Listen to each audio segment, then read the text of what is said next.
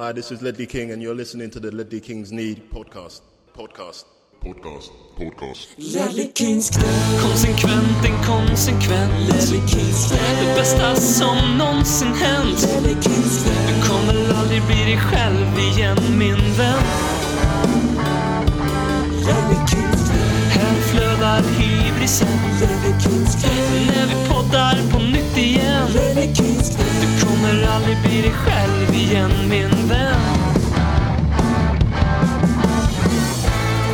Du lyssnar på en värmländsk radioteater om världens bästa fotbollsklubb Tottenham Hotspur FC. Och eh, som ni alla vet vid det här laget så är Värmland ett landskap ursprungligen i Götaland som sedan 1815 även funnits i Svealand i inlandet av västra Sverige. Värmland gränsar i söder till Västgötland och Dalsland och i öst, eller förlåt, väst till Norge. Eh, Shoutout till Morten som har lärt sig att dricka Prips. I landskapet så finns det 5500 fornlämningar och eh, tre av Värmlands mest kända personligheter eh, utgör ju Ledley Kings knä. Och det är ju Robin Dronsfield, inte här idag för att Liverpool inte vann.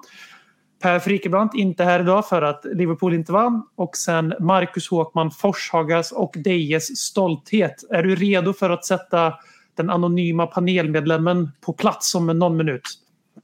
Eh, absolut och framförallt eh, beredd att sätta alla jävla Liverpool-supportrar på plats. Eller? Ja, det, det är därför vi finns. Vi har Därför ju vi finns.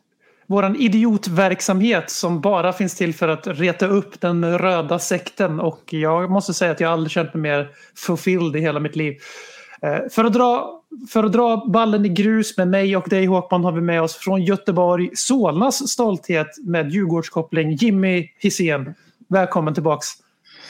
Tack så väldigt mycket. Så härligt. Känner du dig redo att sätta Håkman på plats om någon minut här?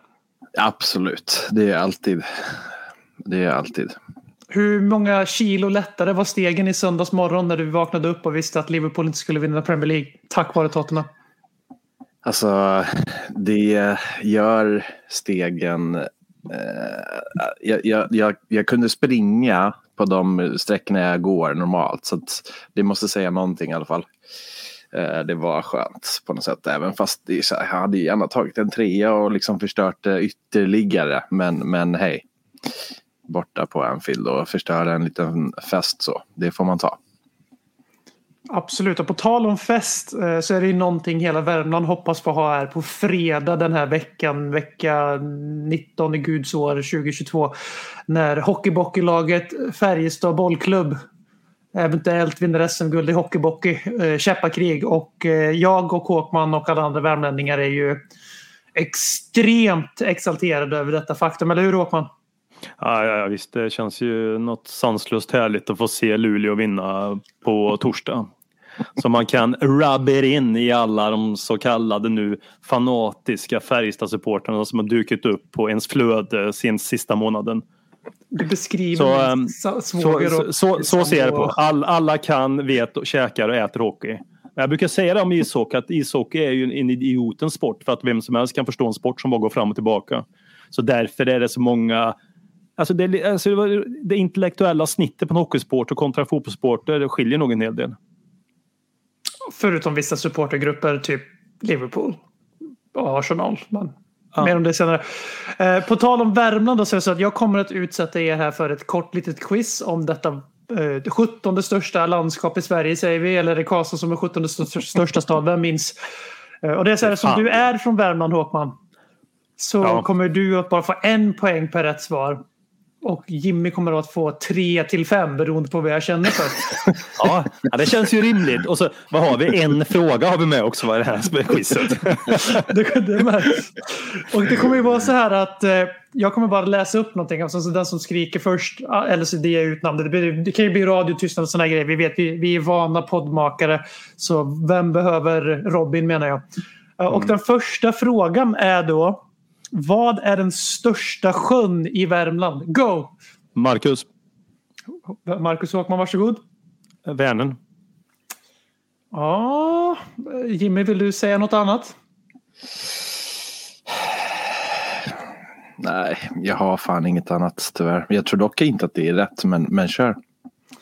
Och Jimmy har rätt att du har fel Håkman, för jag har definierat frågan som att hela sjön måste ligga inom Värmland och då är det Glafsfjorden och det vet väl vem fan som helst. Och nu, och nu kommer en sån egen tolkning utav vad hur kategoriserar frågorna är plötsligt som avgör rätt och fel. Jag, jag börjar känna mer och mer som en, liksom, det, är en, eh, det är en revolution emot mig bara för att sätta mig på plats här. Men eh, vi, vi kör på det. Eh, Jag säger bara Lidköping vid Vänern ligger inte i Värmland. Nej, men det är poäng för Vänern givetvis. Vad är Värmlands högsta punkt?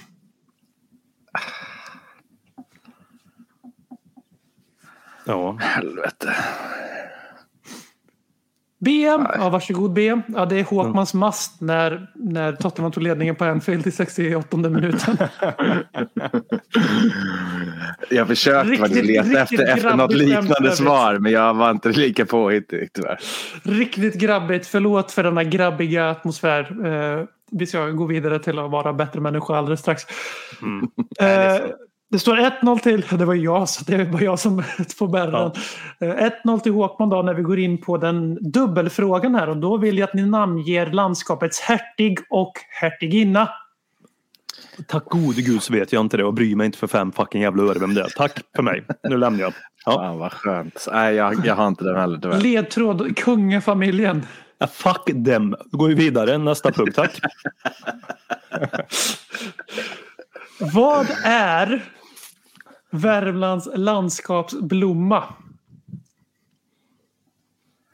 Här måste jag ju chansa känner jag för att komma in i matchen. Så jag chansar på vitsippa. Nej, är det Sverigedemokraterna eller? Det är fel i alla fall. Båda var fel. Håkman, har du ett svar? Nej, jag har ingen bra svar där. Eh, Det är en skogsstjärna eller en duvkulla och det är en växt i familjen Ardisia-växter. Visste vem vem fan som helst. Eh, Och eftersom den är vit så kommer jag inte att ge dig en poäng Jimmy eftersom att det står fortfarande på 1-0 till Håkman. Så det behövs inte. Ja, det är bra. Det lever alltså. Sista frågan. Och den här vet jag att ni båda två kan. Mm. Eh, Och det är vad är Värmlands landskapsdjur? Uh, Marcus. Är det, Jimmy? inte en, är det inte en eh, örn? Det, det är inte en örn. Fan också. Det här är Jag ett hunddjur. Eh, det finns ett begrepp som heter Du är en riktig ensam sånt här djur. Ja, ja. Får jag Marcus igen? Nej, Det är Jimmys tur, du hade fel. Nej men, eh, vad sa du? Ett hunddjur? Va? Nu blev jag jättenervös här.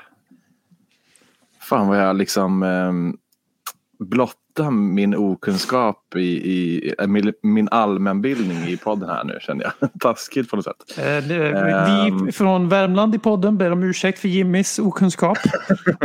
Nej jag, jag har ingen jävla aning. Håkman ville dra hem där. Ja, varg. Det är varg givetvis. Men för i Eh, helvete. Och eh, varg är ju då, för de som inte visste det här redan, är ju alltså världens största vilda hunddjur. Och en vildvuxen, fullvuxen varg kan väga 30-50 kilo faktiskt. Och jag har lärt mig via TikTok Reels på Instagram feed att eh, man inte ska ha varghundar som husdjur. Så har ni också lärt er något nytt av Ledley Kings Är det en knä. varg i Färjestads eh, emblem Ja. eller? Ja. De Där, och där kom ju... kopplingen till Hockeypocky. De kallades ju... Färjestad Wolves eller? Ja, precis. Fy fan alltså det är så vidrigt. Alltså. Ja, vad var det Djurgården kallades för där? Lions eller? Brynäs Tigers, Färjestad Wolves, Frölunda. Frölunda Indians. Den är inte heller PK. Sen eh, har vi... Eh, jo men det var Djurgården Lions eller? Ja det kan fan ha varit det faktiskt. Sen, då- be mig inte om något annat lag för det. Gå gå in och Men- titta på den. Det finns ju en eh, med just Frölunda Indians där Glenn Hysén ska debattera mot någon, mot någon kvinna om, om namnets legitimitet eller inte då när de var i skarven och ta bort det eller inte. Men det är Har ni sett Det bland de mest hjärntvättade diskussioner jag har hört i hela mitt liv. Men I Sverige är den diskussionen så... så- absurd. För jag kan köpa den i USA och i Kanada Jo, för all del. Att man, det är problematiskt med vissa hockeylag där har så här, eh, ja, Native ja. Americans på tröjan och så. För där innefattar det ju att man har tagit landet som staden slash laget finns ifrån det här folket. Utrotat dem i stort sett. Jo. Och sen kulturellt approprierat det coola. Men Sverige har aldrig haft några indianer.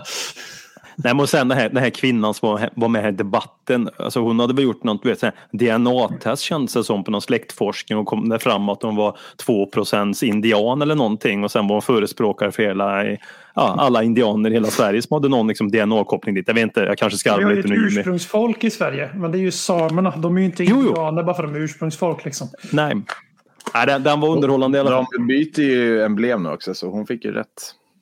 Ja, ja. 1-0 till henne. Hon vann den tävlingen. Glenn, Alltså, Glenn jag- Hysén tar, tar ytterligare ett L. Mm. Jag måste bara säga, jag känner ju, jag känner ju inte, jag vann den här, men jag känner mig fan inte som en vinnare, alltså, måste jag säga. Det, jag vill ändå vara tydlig med det. Och någonstans känns det ju skönt.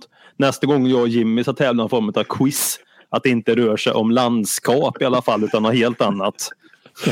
Ja, jag kände det att jag blev lite nojig fram inför eventuella lagtävlingar där eh, Ledder Leddy Kings knämedlemmar eventuellt ska tänka fort och snabbt. Det var inte våran styrka idag.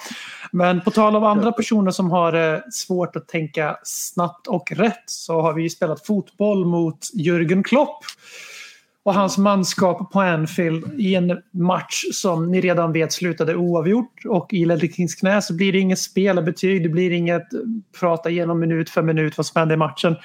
Eh, det enda jag vill veta just nu är hur var känslan på slutvisslan? Var det glädje, lättnad, besvikelse eller jaha?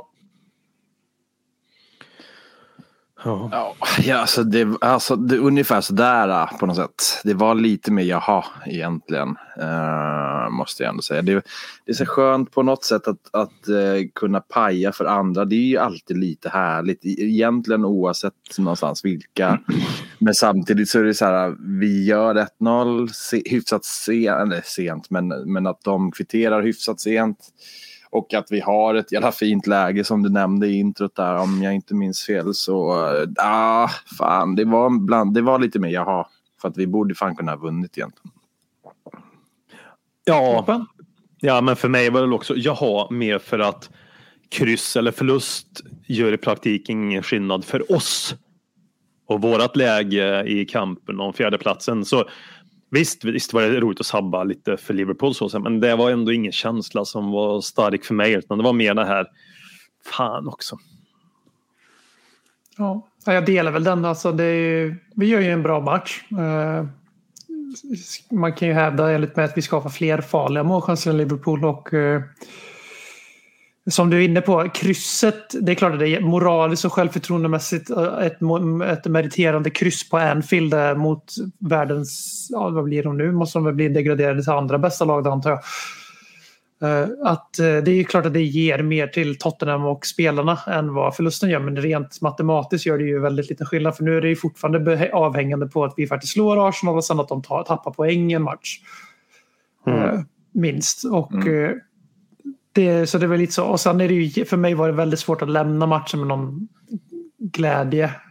I och med att vi har den här tre mot ettan i, på stopptid. Som eh, Pierre- Pierre-Emil Höjbjerg liksom ja, vaskar helt enkelt. Gör det riktigt dåligt. Eh, och eh, Nej, då är det ju det är var svårt att skaka bort. Vad sa du? Jag tror att det var det som förstörde lite. Alltså, att vi fick ett sånt jävla gyllene läge att avgöra. Mm. Eh, Det, det var synd alltså. Fan, det, där var det verkligen lite puls liksom. Och så känner man att fan, ja, det vart tråkigt efter den situationen på något sätt. Det förstörde lite av, av allt egentligen. Tyckte ni att vi spelade anti-fotboll? Alltså, det är så här.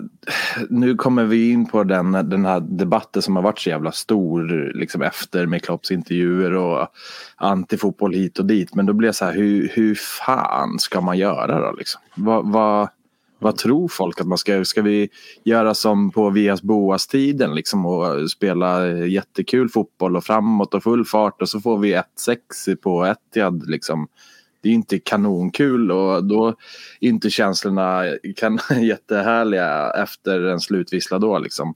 Så det är så här, är det här, alltså, är det här sättet att ta poäng och, och, eh, och ja, men var bra i en serie.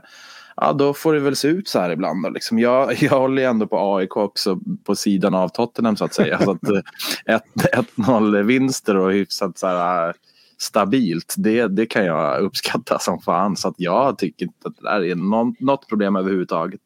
Framförallt inte när det är så ibland. Liksom, fan, efter, tänk efter att Conte kom in. Vi har ju gjort massa mål och det har varit fröjdigt och liksom härligt. Så att jag, tycker, jag tycker bara att bra, bra gjort. Mer. Mm. Alltså, jag vill bara säga, det var ju- alltså den här kommentaren att lägga det. Ska vi spela ett spel som passar våra motståndare på bästa möjliga sätt? Liksom? Det blir det som blir kontentan av det, att Tottenham spelar anti-fotboll. Ja, visst, Tottenham har en historik av att i vårt DNA så ska vi spela en, ehm, alltså ett eget spel, väl, vägvinnande spel och offensivt spel. Men herregud, vissa matcher mot vissa motstånd i deras nuvarande form och, och var vi befinner oss, då måste ju varje lag oavsett vad man heter Tottenham eller Watford eller vad man nu heter, måste spela på det sättet som ger en störst möjlighet att ta poäng. Jag menar, det, det, alltså, den här diskussionen är så jävla värdelös i alla möjliga sammanhang.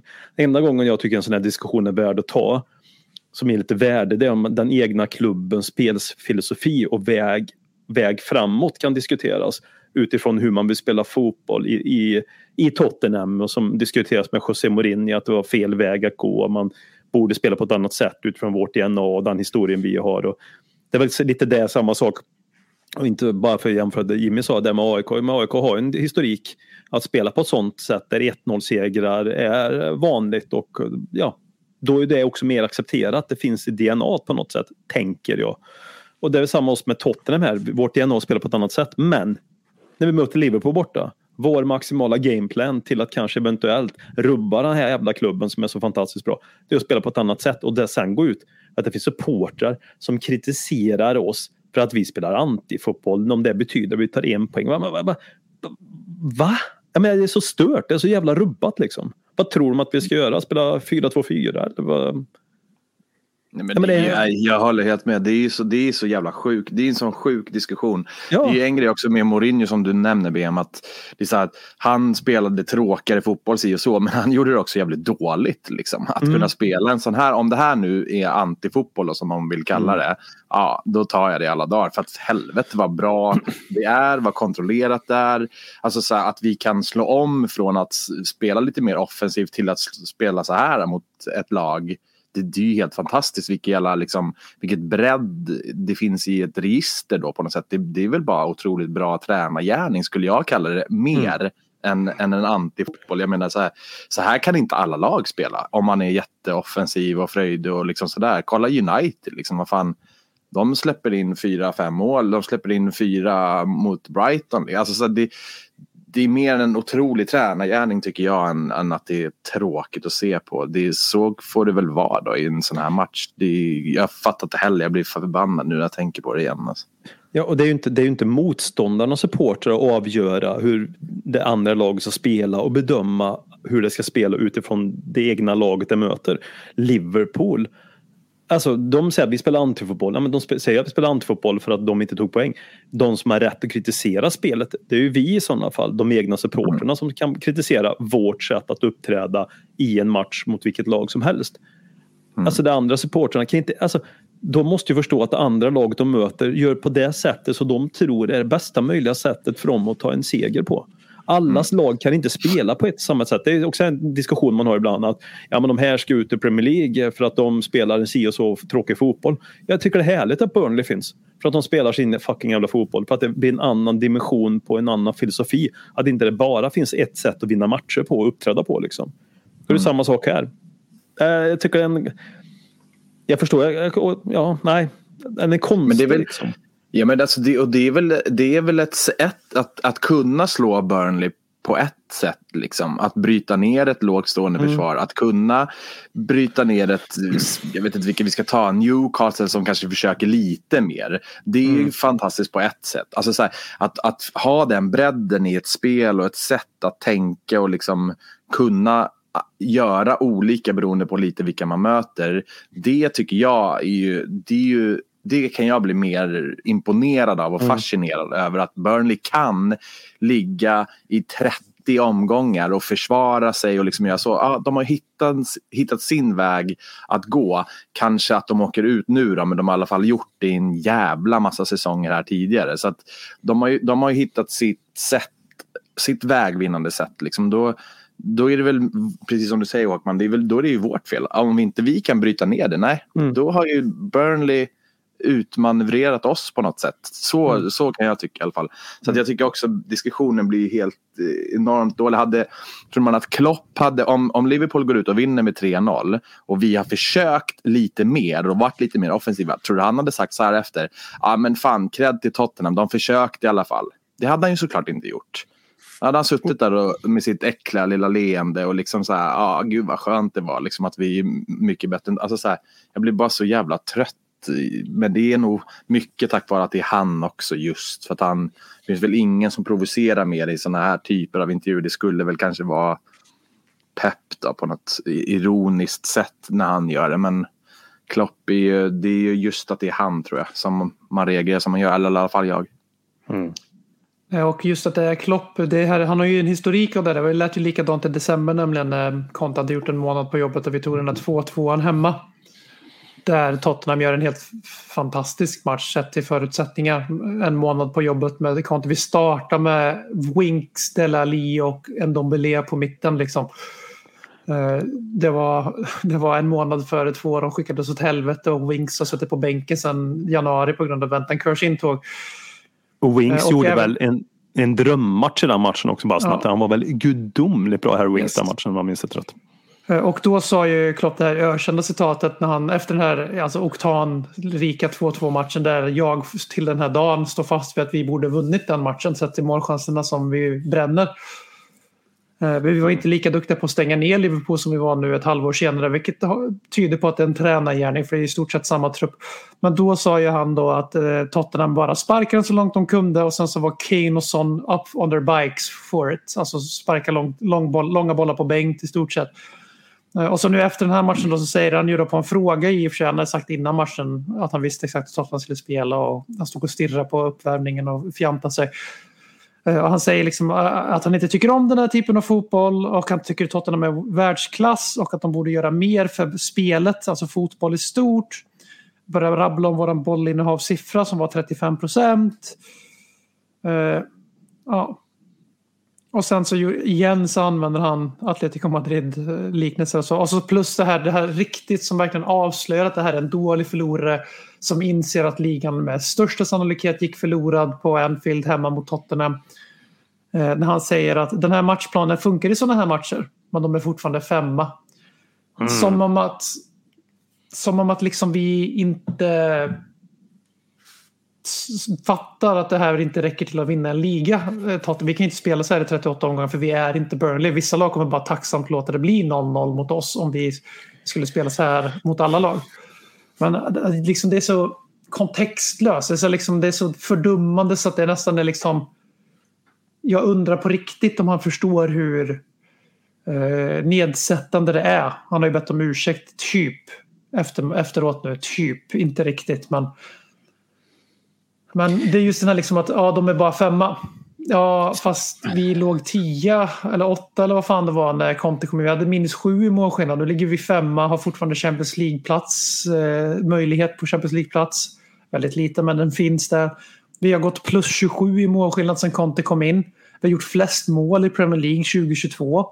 Alltså det här är liksom, det är så bottenlöst jävla korkat och sen man är så medveten om att man pratar till en publik som sväljer allt man säger. Och det är ju Liverpool-supportrarna i det här läget då. Och det funkar ju utmärkt för att det är ingen som pratar om att Liverpool gjorde bort sig, att Liverpool bottlade en titel de borde tagit, bla bla bla, som de hade gjort om det var ombytta roller. Utan nu hamnar ju allt fokus på att Conte spelar tråkig fotboll för att han råkar vara italienare och tränar i Premier League. Eh, och vi som faktiskt har genomlevt antifotboll i 18 månader med José Mourinho. Vi vet ju att ja, det kan se ut lite som Mourinho-boll eh, mot de absolut bästa lagen i bollinnehavssiffrorna. Och att vi kontrar. Men alltså varenda gång vi hade bollen mot Liverpool och mot City när vi vinner med 3-2. Så börjar vi med Loris rullar till Romero eller Dyer som passas ut första pressen. Sen slår en långboll mot mittcirkeln i och för sig och sen på, på sån i djupet. Men eftersom vi vet att det kommer vara exakt så så kan ju självklart Liverpool också veta om det innan och kanske gameplana lite bättre. De stod ju i upptagningsytan på mitten och bara väntade på bollen. För vi hade perioder i matchen där det inte funkar särskilt bra det här. Men jag menar, du kan inte anklaga ett lag att spela antifotboll när de liksom tiki-takar sig ur från eget straffområde i alla sina anfall. Det var ju exakt samma skit efter City. Ja, Tottenham spelar så jävla tråkigt. Ja, fast stoppa oss då. Låt oss inte passa igenom hela laget och, slå, och göra mål. Om, om det är så jävla tråkigt menar jag. Låt inte Trent Alexander-Arnold och Robertson stå på mittlinjen och göra en meter i defensiven. När det enda som behövs är att man slår en boll i den ytan så är det öppen gata. Gör någonting åt saken då Klopp. Liksom så här, hur, hur kan han komma undan att säga så här efter båda matcherna mot Conte? Och inte få någon kritik. Det, det är befängt. För att halva mediakåren håller på Liverpool som Pep. Hela om du frågar Pep. Ja, jo, jo, jag kanske inte tror att hela gjort för andra halvan håller på United. Men, nej, men alltså, när man hör Conte, eller Klopps eh, retorik så liksom, gör han sig ju bäst lämpad i en partiledardebatt i Sverige där man bara berättar om vad alla andra gör för fel och orsaken till varför felen är, kommer är beroende. Ah, man skyller ifrån sig för andras misstag på sina egna misslyckanden på något sätt. Sådär. Um, och genom att säga liksom lite nedvärderande, ja det här funkar under, inte under en säsong. De ligger ju femma, titta där. är otroligt småaktigt utav men att han liksom måste rub it in på det sättet utav en gammal man som Jürgen Klopp. Um, sen är det ju inte så att Tottenham spelar antifotboll, vad nu antifotboll är. Jag håller ju med Jimmy där att vi har ju en tanke med det vi gör och som du också sa BM. Vi har ju en tanke med vad vi gör när vi går till anfall. Det går ju, det går ju fort fram och det är, finns en tydlighet i rörelsemönster. Så, så var det ju inte under Mourinho. Fanns, alltså tydligheten var att Kane tar bollen och så hoppas vi att Son löper i rätt yta.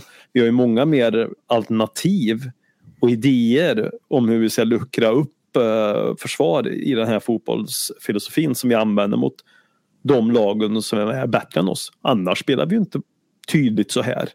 Tycker jag. Även om vi är eh, duktiga på omställningsspelet. Så ja. Men liksom att, att inte vi ska försöka utnyttja vårt omställningsspel. Mm. Alltså, va, vad skulle vi då göra? Det gör vi alltså, kanske inte precis som du säger, inte lika tydligt mot andra lag. Men vi försöker ju absolut göra det. Fan, Son Mm. gjorde ju Puskas award winning goal mot Burnley på en jävla omställning. Alltså så här, vi använder ju det mot alla lag för att Son är kanske en av världens bästa spelare på exakt det spelet. Hur ska vi, varför skulle vi inte utnyttja det? Liksom? Alltså så här, ska vi försöka tiki-taka oss upp i banan och försöka etablera långa anfall när vi vet att Son är helt värdelös på att luckra upp den typen av, av försvar. Liksom det, det är så här, varför, jag förstår alltså, precis, jag blir, så här, jag blir nästan mållös för att han, det, det känns som att det bara är en bitterhet och en jävligt dålig förlorar Ja, det är dålig förlorare bara. Liksom. Det är därav att han tror jag uttrycker sig som han gör och sen om han har bett om ursäkt eller inte det skiter jag i någonstans för att det är någonstans att han tycker så ändå. Liksom. Ja, det, det, han tycker ju det här. Det är det som man gör inte så. Han har gjort det båda gångerna Atletico Madrid nu i gruppspelet. Så han på, dragit upp den här covid-kvartsfinalen när Liverpool åkte ut för något år sedan. Eh, och nu har han tagit upp Tottenham med båda matcherna. Så det här är ju, han har ju jättesvårt för det. Det går inte att tolka på något annat sätt än att det är för att han har svårt att slå de lagen. Alltså lag som kan försvara så bra kompakt och ändå vara så farliga offensivt.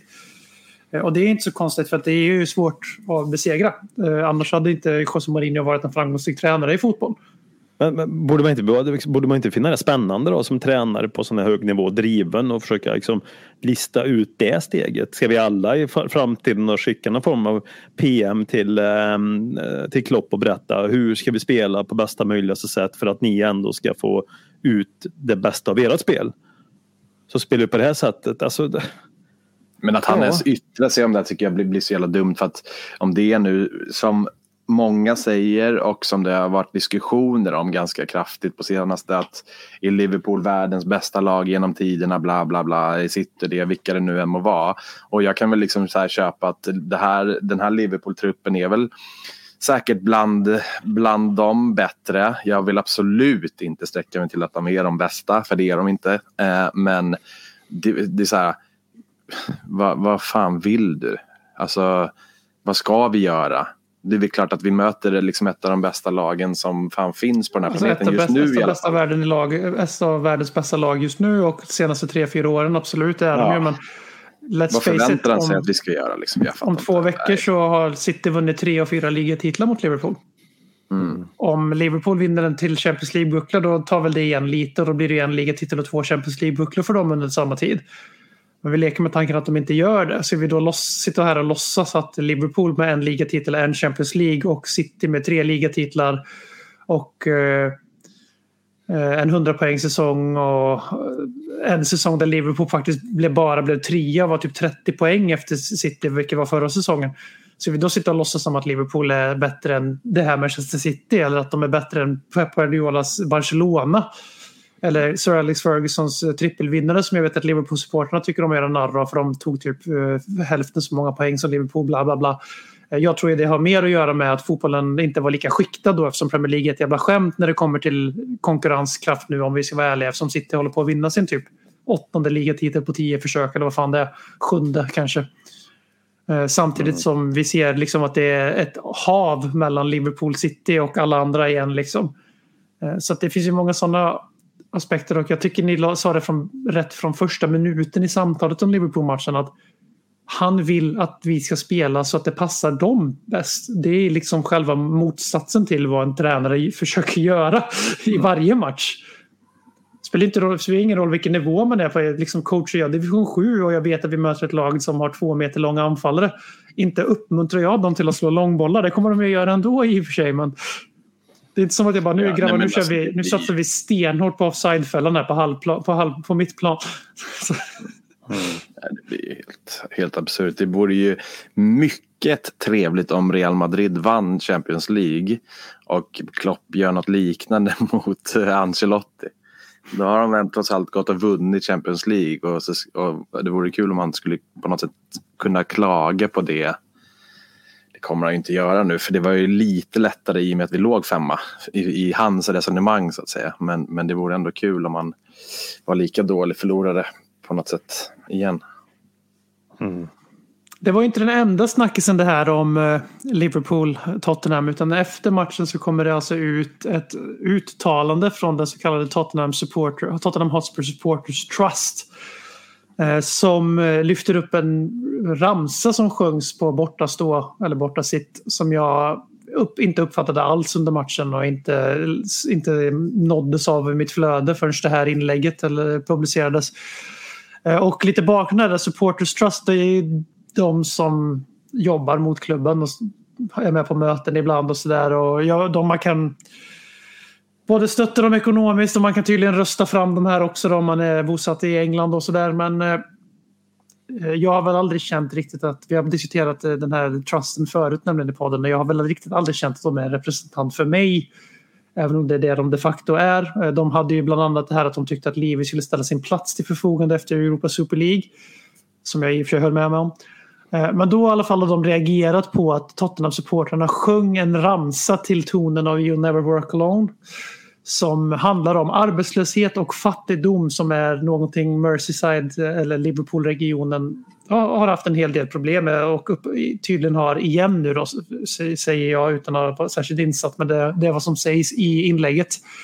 Eh, att det är en eh, levnadskris i England nu och inklusive, i London och sådär. Tottenham kommer från ett område som är rätt nedgånget och ruffigt som ni vet och sådär. Och den här ramsan då gör ju helt enkelt narr av fattigdomen och arbetslösheten i Liverpool och det här tycker trusten att Tottenham-supportrar är bättre än och att vi ska ta avstånd ifrån och sluta sjunga. Och då måste jag helt enkelt börja med att fråga Marcus Håkman, tycker du att den här ramsan som, eh, som den är, är för grov för en fotbollsarena? Nej. Nej. Jim- Jimmy? Nej, alltså det, jag tycker inte heller det. Absolut inte. Sen det är väl aldrig kul liksom att skämta om folks eh, liv på något sätt. Men liksom, det är på något sätt, jag vet, jag, jag vet, jag vet inte. Alltså nej, nej. Det, det finns, om man har hört om betydligt eh, grövre och tyngre grejer. Så att jag, nej, absolut inte. Inga problem med det. Nu ska jag ju säga att jag vet inte exakt vad ramsan är men ramsan är ju Rototonen You Never Walk Alone och det är typ man har bytt ut vissa ord med sign on och you will never work again istället för you will never walk again eller you will never walk alone. you will never walk again lät lite så här huliganriktat. Men att eh, Alltså jag, ni får säga emot mig här men vi alla tre är väl antingen aktiva eller före detta eh, ståplatssupportrar inom idrott har i alla fall varit vid något tillfälle. Jag har varit det i alla fall. Eh, och eh, ramsor som sjungs när man möter ett lag är ju, det är ju banter, det är ju vad det är. Vissa är rätt grova och vissa har ju en, en syfte att göra andra sidan upprörd och reagera såklart.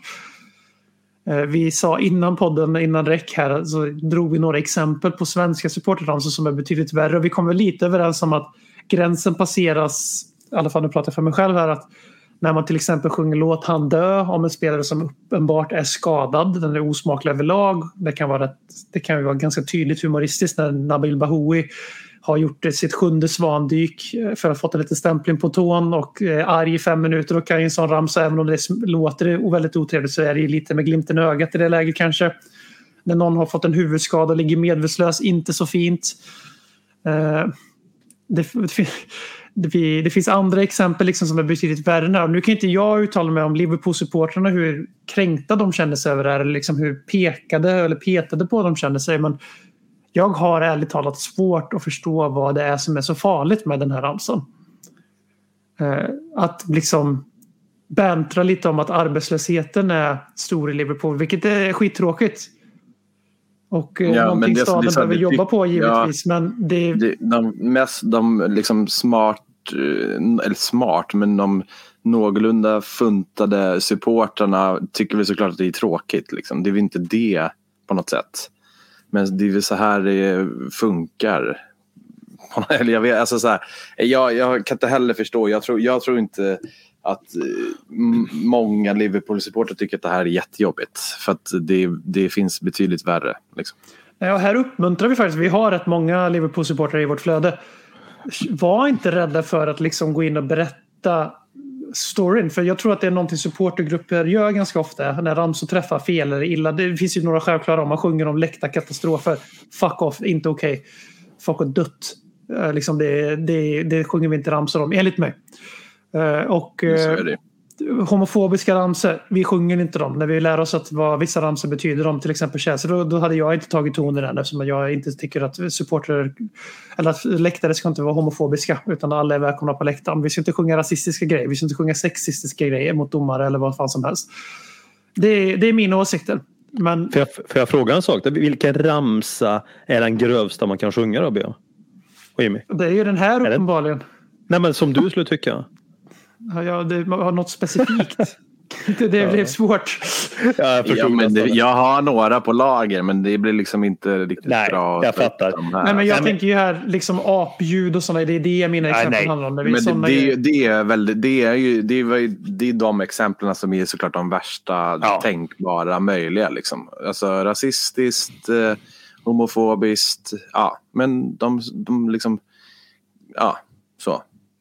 Nej, men överlag som sagt, det jag var inne på innan. Jag tror att supportrar ofta får en blindside här. Att Liverpool-supportrarna som reagerar på det här, de tror att Tottenham-supportrarna som sjunger det här eh, vet exakt vad det här gör, vad det betyder, vad det symboliserar. För liksom jag, jag kan ta ett långsökt eh, exempel, exempel. men vi tänker Irland. Eh, vi säger att Irland och England skulle spela fotboll mot varandra och så sjunger England-supportrarna om potatissvälten på Irland. Alltså det är så länge sedan så det hade folk inte reagerat på. Men vi bara låtsas att det det, det kan jag uppleva som osmakligt kanske där folk, alltså människor massdör i drevor i, på Irland och halva befolkningen lämnar landet på grund av det. Liksom, och England hade en inte så obetydlig roll i det hela.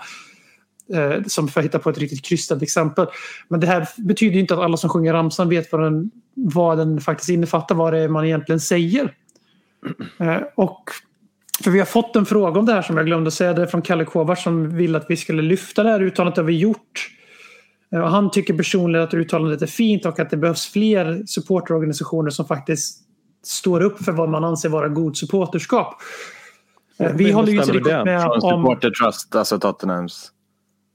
Var det Ja, det de, är, de blir ju någon form av officiell röst för oss här nu. Det här är ju dock inte liksom typ ståplatssupporten och det här är ju inte norra stå i Tottenham om man säger så. Utan det här är ju Nej. styrelserummet mer. Mm. Eh, Men om vi öppnar diskussionen till lite större, för vi tycker uppenbarligen allihop att den här ramsan inte riktigt är så farlig. Vi förstår inte i alla fall varför den skulle vara det och vi är mycket mottagliga för att någon upplyser oss om varför. Annars tycker jag den är lite putslustig med tanke på att den sjungs i just den melodin också. Men om vi breddar diskussionen till supporterskap. Liksom, vad har supportrar för ansvar för vad för budskap man kablar ut på en ståplats på banderoller och vad man sjunger i sina ramsor? Har supportrarna något eh, ansvar för överhuvudtaget Håkman?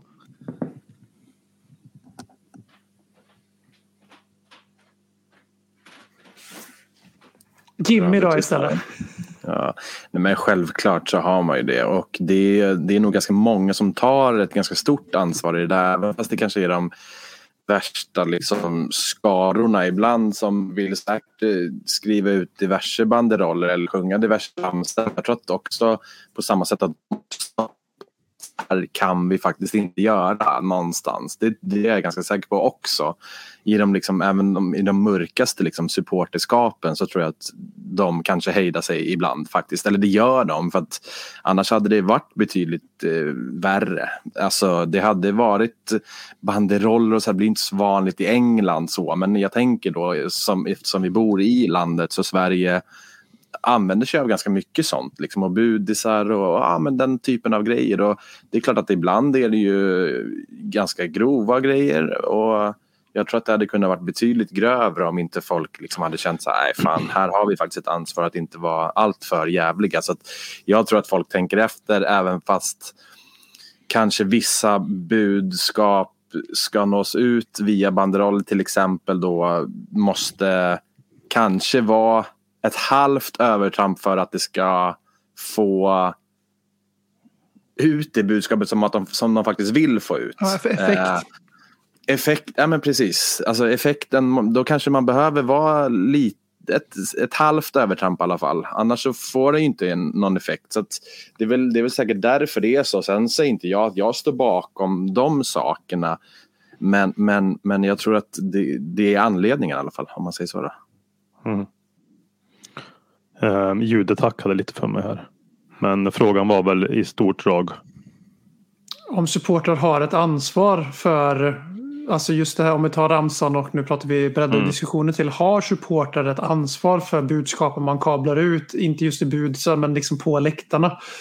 Eh, vad tycker du i den frågan överlag? Vad är supporternas ansvar på en arena liksom? Eller läktare? Jo, Ja, ett ansvar, ansvar har man ju oavsett man, vart man befinner sig liksom, i samhället så har man ju ett visst ansvar utifrån hur man eh, beter sig och uttrycker sig. Så, att säga. så ansvar finns det ju.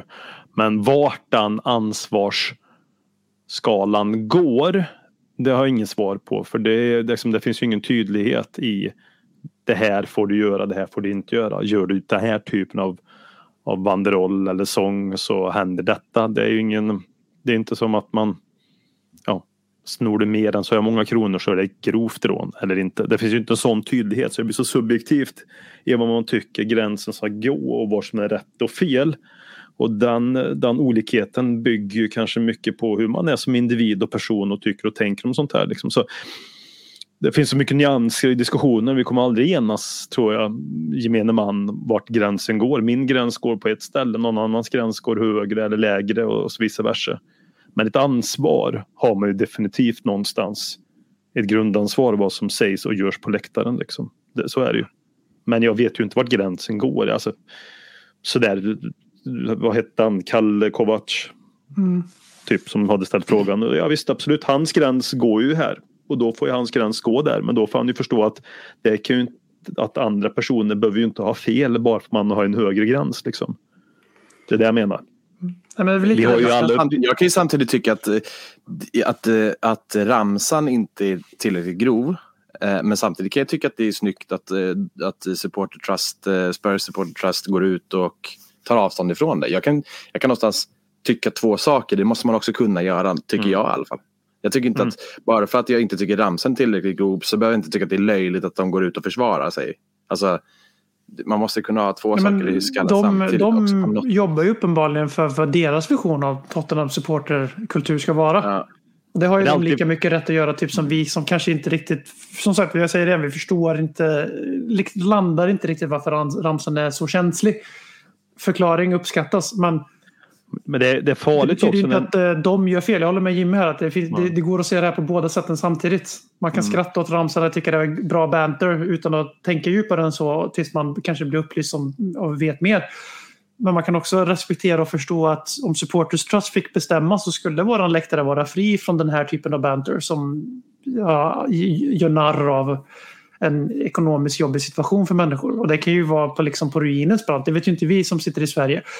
Eh, Men jag håller med, jag gillar att håll båda grejerna i huvudet här. Håkan, du började säga Alltså något. jag, jag kan, jag kan med, med, utan att komma ihåg ett exakt exempel så är jag rätt säker på som du snackar om att vi har varit ganska aktiva supporter också på diverse ståplatser. Så att, och jag, kan, jag vågar lova att jag har sjungit med i en låt han dö-ramsa också. Men det betyder inte att jag menar att, att jag vill att personen i fråga ska dö. Liksom. Men det fattar ju folk. Så att jag menar, ja, det, det finns två, två sidor av det på något sätt. Banter är ju en, är ju en sak liksom, och det här tycker jag var det. Mm. och sen tänker jag liksom om man så- säger Tottenham Supporter Trust. Man vill bara lägga slå, slå det slagskott lite grann här så. De är ju ganska många och de är ju den närmaste kanalen vi har till styrelsen någonstans som definieras som någon form av supporter. En ganska så um, väloljad supporter kanske då, visserligen. Och jag kan ju tycka någon, de vill ju sätta sin ton vad de tycker är rätt och fel men det är lite grann så nära det officiella kontot på ett engelskt sätt och det kan komma där man ska sätta agendan vad läk, läktarkultur och läktarsånger är. Så det, det blir känslan när de gör tycker jag det, och så definiera vad, som, vad man ska sjunga direkt och inte sjunga. Sen håller jag med om att de har rätt till åsikt men jag bara säger att ju, ju högre upp du sitter ju mer följare du har och när du är som hierarkin ser ut i England med Tottenham Supporter Trust när de går ut och säger det. det mm. Alltså de har rätt att säga men det blir bara lite mer tyngd dit och lite mer diktatur över på något sätt. Jag vet inte exakt hur det funkar men det hade inte heller Nej, det kanske inte alls är så här som jag tror att det kanske skulle kunna vara. Men, men det skulle inte förvåna mig heller om, om kanske till exempel eh, någon från officiella Mm. styrelserummet till och med har bett Supporter Trust eh, gått ut och alltså att de har bett att de ska gå ut och skriva det här. Så pass nära känns det som. Det kanske inte alls är så. Då backar jag ifrån det. Men, men det, det, det känns inte helt osannolikt heller. det är inte alls orimligt skulle jag säga. Utan att vi vet eh, det definitiva i den här frågan. Men, men det är ju inte alls orimligt. Och när de har kopplingar upp till styrelsen. Jag menar, de, de- de är ju inte för mig då per definition folkets röst. Nej. Och det, är alltså, bara säga att det är farligt när de säger det här borde man inte sjunga. Liksom. Det är bara det jag menar. När Mm. de gör det så blir det en annan tyngd och en annan ja, klia varandras ryggar känsla över som du är inne på det Jimmy ifall det nu är så. Och det skulle inte förvåna mig alls om det heller. Så. Och med de orden så packar, ner, packar vi ner den här diskussionen lika väl som vi packade ner Liverpools titelchanser. Och så slänger Robin in en liten jingel här. Och så är vi alldeles strax tillbaks med Arsenal-snack. Långa poddar, långa poddar, långa poddar om Spurs. För nu är det dags. Äntligen, äntligen, äntligen, äntligen dags för North London Derby. Senaste gången vi försökte få den här matchen spelad så bangade lillebror. Eh, sen dess har lillebror fått lite luft under sina vingar och flyger fram i den brittiska tabellen och är på god väg mot sitt första Champions League-spel sedan skeppet Vasa sjönk. Eh, och detta då på storebror Tottenhams bekostnad. Eh, nu ska det bli North London Derby och det är Tottenhams sista chans att göra lite darr på ribban här inför Champions League-platserna. Hur är magkänslan inför helgen, Marcus Håkman? Den är väl eh, sisådär, måste jag säga. Um, jag, jag, jag har väl ändå inte, jag tror väl att en seger mot Arsenal är väl fullt rimligt. Om man börjar i den änden så att säga. Den, den är väl fullt rimligt. Och det var väl lite roligt att se Arteta var även taggad på den här matchen. Han såg fram emot att möta oss här nu. Det, ja, det är gott att någonting har förändrats på de här fyra månaderna. Att nu såg han fram emot att möta oss. Och det, det är ju skoj att han gör. Det är också lite liksom, lustigt uttalande. Eh, men vi får ju för fan absolut inte på något jävla sätt torska den här matchen. Så att de får ta sin fjärdeplatstitel. För, för dem är ju detta en titel. Det har ju liksom, det är ju sedan länge också bevisat, dokumenterat och sagt att eh, fjärdeplatsen är som en titel för dem. Så jag menar vi vill ju inte att de ska få sin, om man säger så, då, det som inte är någon annans titel, titel på våran arena så att säga. Det har de ju gjort klart när jag tycker sen White Hart Lane-tiden. Eh, så det får vi också gärna stoppa. Men äh, fan, de skrämmer mig inte så mycket Arsenal ändå. Sett till, eh, jag är ju vanligt an, ja, nej. Jag tror vi har goda chanser faktiskt. Då tar de. Jimmy? Uh, ja, nej men alltså det, det, här, det här med Artetas uttalande och hela den grejen blir ju också så här pajigt. Liksom. Det är väl klart att han ser fram emot det här nu när det, situationen, precis som du säger, BM ser helt och hållet annorlunda ut. Vi kommer ju faktiskt inte ens ikapp dem, även fast vi skulle vinna. Så att, eh, nej, det, det tycker jag. Men samtidigt så blir det också så här, ja, det blir lite för Jürgen Kloppigt för mig i alla fall att sitta så här, fan vi borde ha fått spela förra gången. Alltså så här, Ja, det, så är det. det vi, vi, var, hur många poäng var vi upp då? Liksom, det är vårt eget fel såklart om, om vi slarvar. Alltså, om, om de kommer före oss, det är inte deras att alltså, de har väl varit såklart bättre än vad de var då, men, men, men eh, det är vårat fel mer än att det är deras bra gjort. Liksom. Så att, eh, nej, jag, jag kommer i alla fall inte försöka gå ut och liksom, fan vi borde ha spelat förra matchen. Sen tycker jag att fortfarande som många andra, även icke Tottenham-supportrar, tycker att det var jävligt löjligt och att, att det ens kunde beviljas, att den blev inställd förra gången. Det är ju mer den diskussionen som man kanske borde ha. Men samtidigt så är det så här, jag tycker, jag tycker, fan, jag tycker jag, det är nästan som en så här, till alla som lyssnar. På något sätt är det lite härligt med att så här, vi borde ha spelat förut.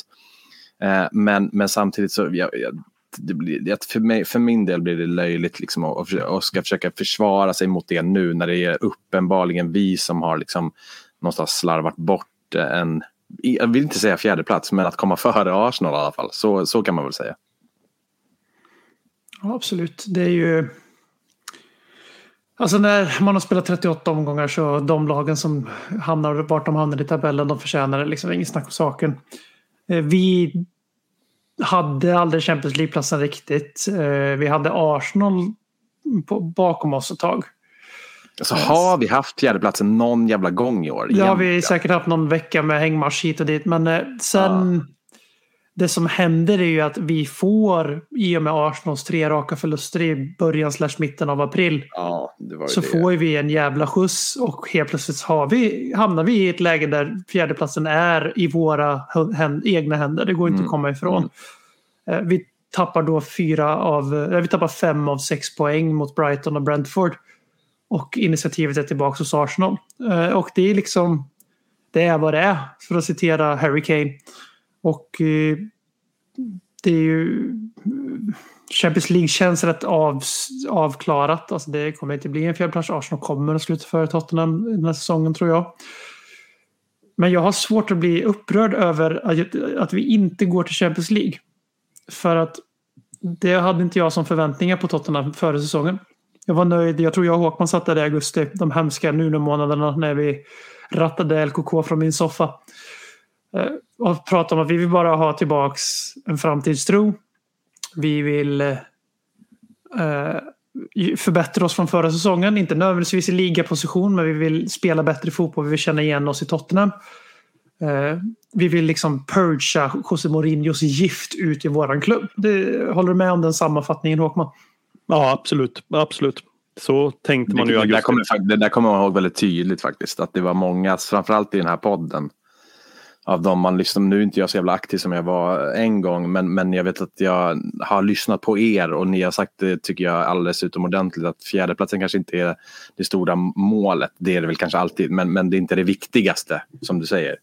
Det har alltid varit att, man, att vi ska hitta lyckan igen. Fan, jag kommer ju aldrig glömma, tror jag, alltså Jocke i podden som skrev i WhatsApp-gruppen efter matchen hur vann vi eller kryssade vi? Alltså, så han, han hade ju verkligen, han la ju ner liksom. Och jag kunde verkligen förstå den känslan för jag kollade på alla matcher men jag brydde mig knappt. Liksom. Och det, Mm. det, det var ju den känslan som blev tvungen att försvinna. Nu har ju den absolut försvunnit och där någonstans är jag nöjd. Det är klart att jag vill ha en fjärde plats, hallå, det förstår ju alla. Men ja, mycket av det där hemska, tråkiga har ju verkligen försvunnit och, och glädjen och lyckan är tillbaks.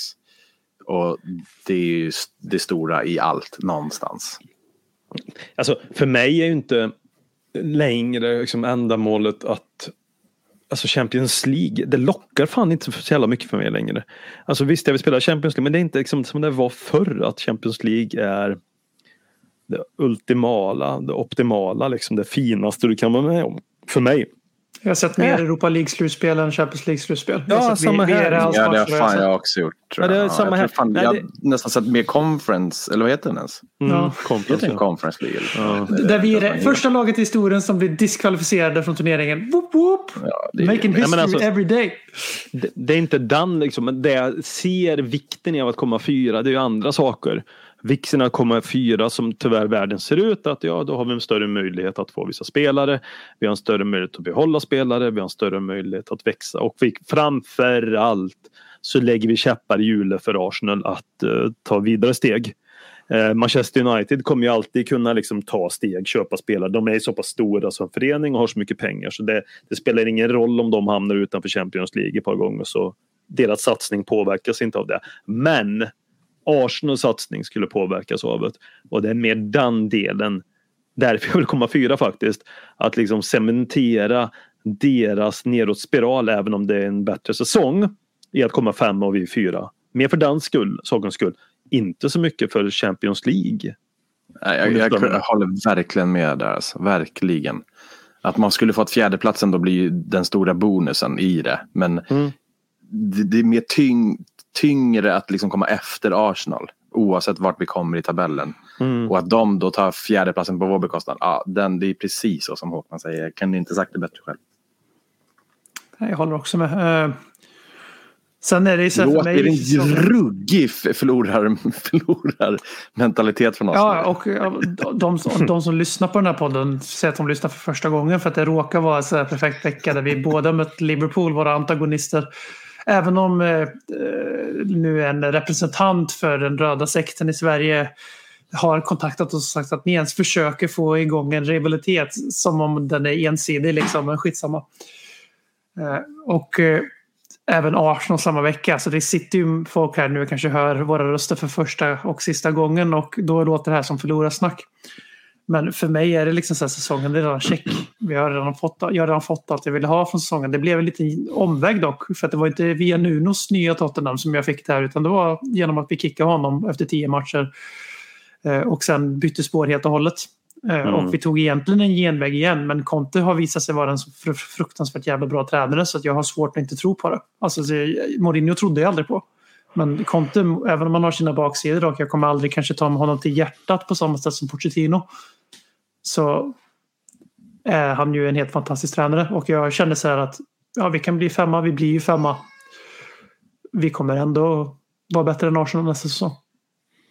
Eh, Jag, alltså jag känner det helt bergsäkert. Sen är det klart att det är mycket saker kan förändras i sommar och sådär. Men jag känner verkligen så. Och jag känner optimism inför nästa säsong. Jag ser fram emot den säsongen. Det har jag inte gjort på ett tag i Tottenham. Eh, Och eh, Jag kan, jag kan bara vi vinner på bara vi vinner North London Derby.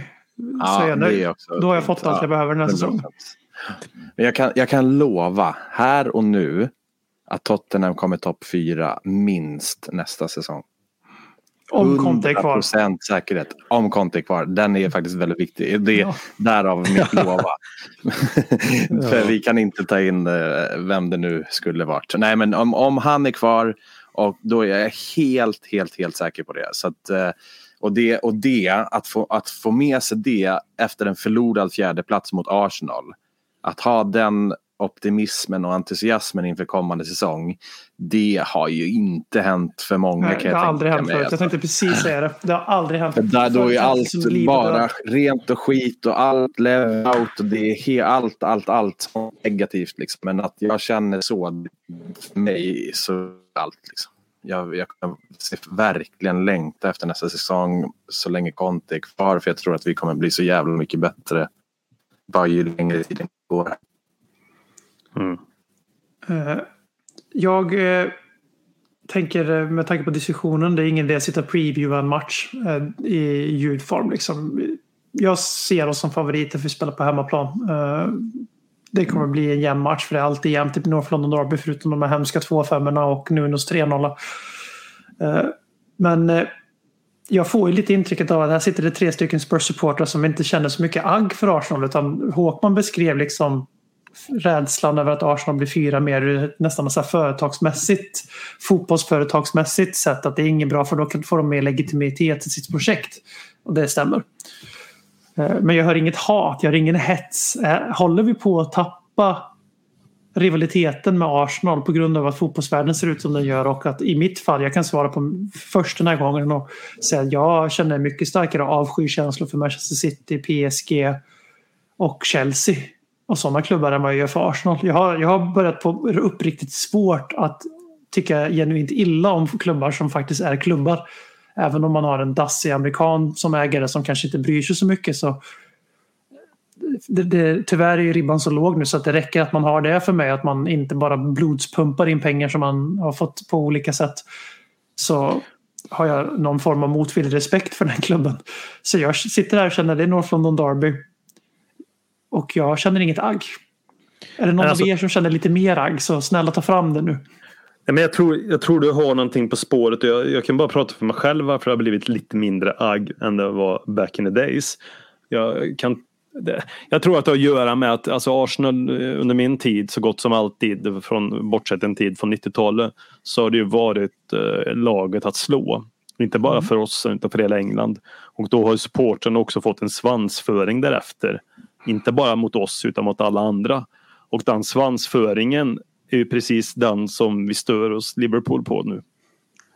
Och jag tror att den svansföringen adderade på rival rivaliteten mot Arsenal sett till att de var så mycket bättre som de var förut och hade också den översittarattityden mot oss då i synnerhet. Och då växer väl också ilskan mot dem som beter sig så mot, mot en själv och det lag man håller på. Ja, det, jag tror att det har lite med det att göra. Mm. Jag håller helt med. Jag tror att det, men också så att eh, det är inte bara liksom Liverpools svenska fanbase som kan störa mig. Alltså det, är så här, det som stör mig också det är att Van Dijk är så jävla bra. Alltså det stör mig. Och, det är så här, jag kommer inte bort ifrån det. Det är hemskt. Liksom. Det är vidrigt. jävla Se den där jävla Salah göra mål. Alltså så här, för jag hatar det. För att han är så jävla bra. Liksom, och det är det som stör mig. Och det blir liksom svårt. Nu har Arsenal varit så jävla dåliga i så jävla många säsonger. Så att bara av det tror jag har svalnat Mm. för många. Eh, det, det har liksom inte funnits någon så här, ah, fan, liksom Henri gjorde en dålig match. Fan vad skönt, vilken jävla sopa han är. Vad skönt det är att få säga det. Nu är det så här, ah, Lacazette gick mållös för 17 matchen i rad. Liksom. Det är inte så jävla mycket att retas Martin. Ödegaard är lagkapten. Ja, men du vet, Han var så på här, lån förra säsongen. Bara. Det, det, det fin- vad fan ska man ens ta upp på något sätt? Det är klart att det svalnar någonstans. Sen så kan jag, jag kan verkligen sitta och kolla på Arsenals matcher på en helg och verkligen hoppas att det andra laget vinner. Liksom. Jag kan Mm. Det är kvar för mig också. precis som jag gör när jag kollar på Tottenham. Att hur i helvete får inte Crystal Palace straff där när det står 0-0? Det kan jag liksom bli genuint förbannad på och sitta och svära lite framför tv. Men det, jag vet inte vad det säger egentligen. Så att någonstans så finns ju det där, den där avskyn och hatet kvar. Liksom. Men jag håller helt med. Det är klart att jag har svalnat. Dels för de här jävla eh, oljepengarna ute i världen och det här är, som du säger BM, en, en klubb liksom som har skötts som man, som man vill på något sätt att alla lag ska göra. Eh, så att, och, ja, det, det finns många faktorer men det är klart att det är. Jag tycker det är självklart. Liksom. Men framförallt nästan för att de har varit så jävla dåliga. På tal om oljeklubbar så glider jag faktiskt in på lyssnarfrågor här för att eh, jag vet inte om den har något mer att säga om North London Derby så alla vet ju förutsättningarna och vi Ja. gör ju några sådana avsnitt Vinn år. bara så är vi nöjda. Vinn bara, vinn bara, vinn. Eh, men en lyssnarfråga har att göra med oljeklubbar. Med lite glimt i ögat och en pik mot Tottenham. Och det kommer från Liverpool-supporten Christian. Som frågar oss, eller vill att vi ska prata om att Haaland, Haaland är ju klar för Manchester City. Och att hur då Harry Kane kommer må när han inser att han som en av de bästa strikers i Premier League under en lång period ändå kommer att ha ett tomt prisskåp när han lägger skorna på hyllan reaktioner på att Haaland går till City och att Harry Kane därmed förmodligen, antar vi, eller blir kvar i Tottenham. Ja. Och vad då har ett tomt prisskåp. Ja men den var ju bara så här piken som jag kände jag måste läsa den. Vi kommer ju inte ens reagera för vi, vi, vi är vana. Nej men alltså jag vill bara säga att alltså, det är ju peak, alltså det är kreativt att komma på någonting som, ing, som två miljoner innan har sagt. Jag vill ändå ge cred för att det är starkt att komma på den lilla piken. Kreativt ändå. Ja, och Ja, jag, jag, om man ska svara på själva frågan i sig så känner jag så här. Harry Kane han har inte så jävla många val liksom, någonstans. Eller så. Det, det var väl City förra sommaren. United har väl varit där och ryckt såklart men har väl ganska snabbt. De har väl gett upp innan de ens har fått upp ett hopp eh, tidigare. Eh, så att jag, och jag, någonstans, alltså det är väl klart att kärleken har kommit tillbaka lite till Harry Kane men ska jag vara helt ärlig så är fortfarande mina känslor svalare för honom fortfarande. Det är samma sak där. Jag var med i podden för, vad är det nu, typ två månader sedan. Jag vet fan för att vi pratade om det här då också men mina känslor är så pass mycket svalare så att skulle han gå till Manchester United Ja, men gör det då liksom. För det är väl någonstans vinna dina jävla titlar som det enda som betyder någonting för han vad det verkar. Och pengar såklart. Eh, så att eh, ja, då, min, mina känslor står någonstans kvar där. Eh, vi, känner han att han verkligen måste dra så ja, gör det då. Jag tror att han kommer vinna. Jag, Jag tror att han skiter i om det är City titel. eller United eller om det är Barcelona. Äh, klart det är lite skönare om man drar till Barcelona. Typ. Men ja, ni fattar. Det är, någonstans har jag landat i att det är skitsamma. men kommer han inte gå typ som om vi inte vinner något som Bosman kör typ en Ja, Lewandowski? Det kommer han göra. Yes. Han kommer att gå som free agent om tre år istället. Eller när hans kontrakt går ut. Har han två år kvar eller? Ja, Ja, eller två år. två år kvar nu. Han kommer ju spela de två åren. Han kommer spela nästa säsong. Det är jag he- helt säker på. Det enda som Ja, ja. får mig att tro någonting annat är om Conte lämnar på grund av någon skiss med ledningen och att vi tar in Pochettino och Pochettino sätter som krav eller Potter. Att nej, men om vi ska göra det här då ska vi göra det från grunden upp och då måste vi bort med Hugo, Sonny och Kane för de var här förra gången. Mm, Då säger jag okej, absolut, vi börjar om från scratch. Det känns inte så sannolikt, men det är enda sättet jag ser att han inte spelar nästa säsong i Tottenham i stort Nej, sett. nej. Han är kvar. och- Några som borde vara ledsna över det kan ju vara City i så fall kan jag tycka. För att jag Ja, ser men de fick ju Haaland nu istället, Otroligt de är mycket nog- bättre spelare. Eller de får, skulle ha fått, så ska jag säga, en mycket bättre spelare i Harry Kane än, än uh, Haaland. Tycker jag i alla fall. Hon är en fin målskytt och ett jävla djur liksom. Men Harry Kane har ju så mycket mer som hade passat i Manchester Citys spelstil. Liksom, med uppbyggnadsspel, targetspel, alltså mer det blir inte, Haaland var ju han, han har spelat i ganska lågt stående Dortmund liksom, och, och sprungit förbi sina försvarare. Det gör man ju inte så jävla ofta i City. Därav att jag tror Kane hade passat bättre hos City. Men ja, det är, de är väl glada för att de får en nia för första gången sen de fick olja. Jag vill bara säga Haaland också intressant. Det är också någonstans intressant att se hans... Eh, för han har han fått många baksidan lårskador va eller? Mm. Eller Den här säsongen har varit borta en del, ja, yes. Är det muskel? Ja, alltså vad är han 21? Ish. Ja. Jag menar det är jobbiga skador att börja få och börja få ärrbildningar redan där och nu. Hur lång karriär, hur lång är hans brintid liksom? Alltså att han har varit fantastiskt bra, det behöver vi inte ens diskutera. Han har ju varit, han är ju som du säger, med ett monster.